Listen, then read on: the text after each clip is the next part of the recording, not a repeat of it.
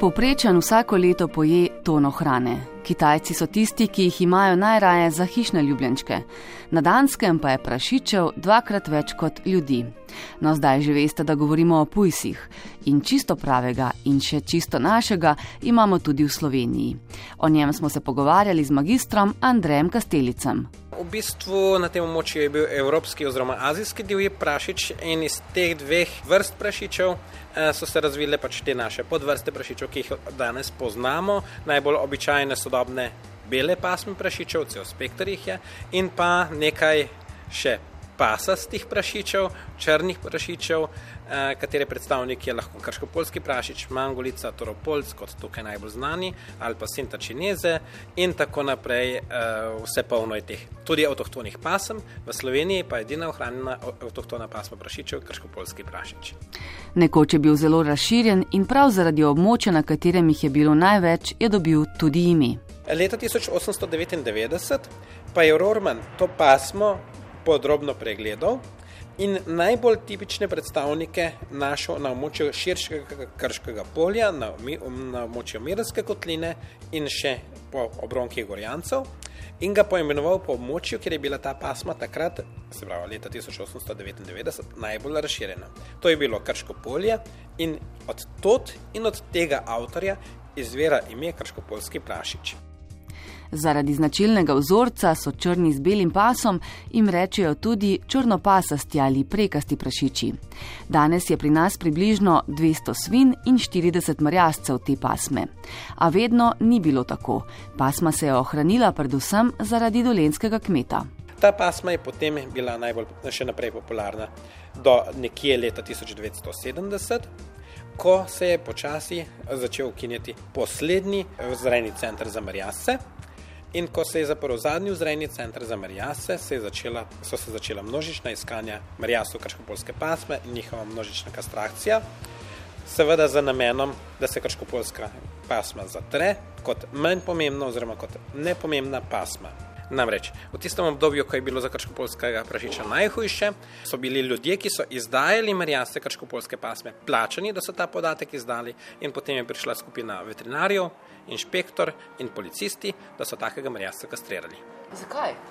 Osnovni vzrok za kastracijo, se pravi pravna podlaga za kastracijo, je bila, da pač je v takratnem času, se pravi od leta 1970 do leta 1990, bilo obvezno, da so bili vsi marjasci na terenu licencirani. Tudi kasneje, še nekaj časa je bilo obvezno, danes to ni. In takrat, ko pač eh, vzrej, zelo, ni bilo več vzrejališča za krškopolskega prašiča, ni se dalo več uradno kupiti licenciranega marjasa krškopolske pasme, se je točno vedlo, če je nekje na terenu marjasec, ki je pasast, krškopolski prašič, da ta ni licenciran in to pomeni, da je črn in da ga je potrebno kastrirati. Šele z podpisom konvencije o bojotske raznovrstnosti se je Slovenija zavezala, da bo pač krškopolskega prašiča ohranjala. Tudi zaradi majhnega števila so takrat imbridirano pasmo osvežili z nemško pasmo Sattelschwein. Magistr Andrej Kastelic, vodja oddelka za živinorejo na kmetijsko-gozdarskem zavodu Novo mesto, se je nad krško-polskimi prašiči navdušil med študijem. Obiskali smo ga na njegovi kmetiji Kastelic v Novem mestu, kjer imajo enkrat na leto dan odprtih vrat in ker sam spodbuja rejo domače, avtohtone pasme pujsov, si seveda primerke tega lahko ogledate tudi pri njem. Sam pravi, da je meso našega pujsa boljše, bolj zdravo in da ga je lažje pripraviti, oziroma teže ga je zažgati. Pa ne le zaradi salam, tudi kar tako se vedno več kmetov odloča, da jih imajo doma kot posebnost. Mogoče pa ga je videti tudi v živalskem vrtu. Nas pa je zanimalo, kakšen je naš pujs, ko govorimo o značaju. Karakter krškopolskega prašiča je miren, prašič, ko se naje, se uleže in počiva, in ko je spet jaračen, gre spet jest, pit in se uleže in počiva. Se pravi, dela samo praktično dve stvari: je in počiva. Ta druga njihova lastnost je pa kljub samo raziskovanje. En del svojega časa namenijo raziskovanju pač prostora, kjer so, in vkolikor dobijo kakršno koli igračo, v tem prostoru se to eh, igrača ni neobičajen objekt v samem prašičjem boksu uh, in se s to igračo igrajo precej dolgo časa. No, in ena izmed stvari, na treniranju so prašiči tudi že za igranje nogometa. No in ker so pujsi nasplošno tudi zelo inteligentne in učljive živali, jih vzgajajo za iskanje tartufov. Nekoč pa so jih vzgajali tudi za iskanje min. In če razbijemo še znano primero, mit, da je nekdo umazan kot prašič. Pri prašičih lahko rečemo, da ta mit definitivno ne drži. Prašiči so izredno čiste, izredno urejene živali, imajo pospravljen box, blatijo vedno v en vogal, ponavadi si ta vogal zberijo same in če si rejec na robe projektira hlev, pač blatijo na napačnem koncu, ne po meri rejca. Tako da si same zberijo kraj, vedno počiva na suhem, svoj kraj si izbere za počivanje in tam nikoli ne blati, tam tudi ponavadi ni zgaženo.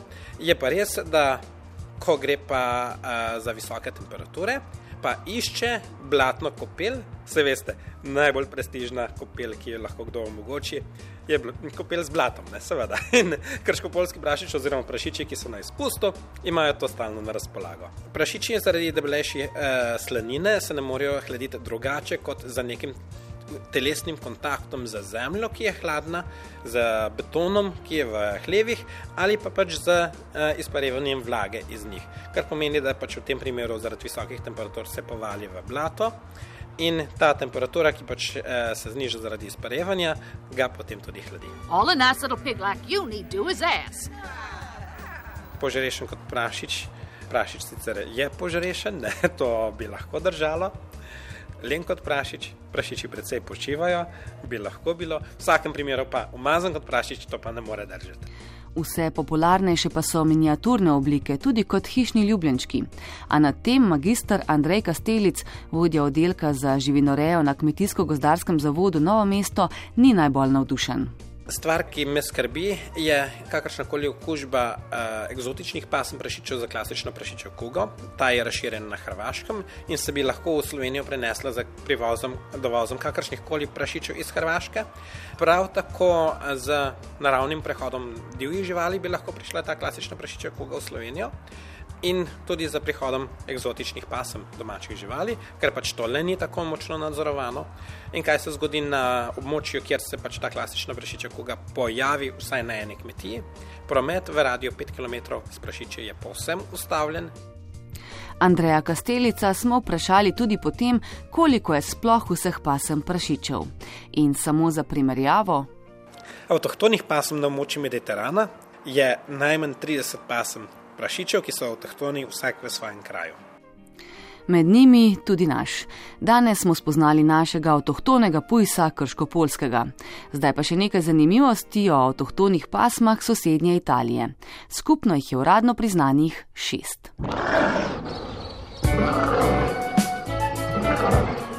Črni prašič iz Kalabrije je žival z izrazito gostimi ščetinami, Bila je skoraj na robu izumrtja, počasi gre na bolje, zahvaljujoč manjšim družinskim kmetijam in podjetjem.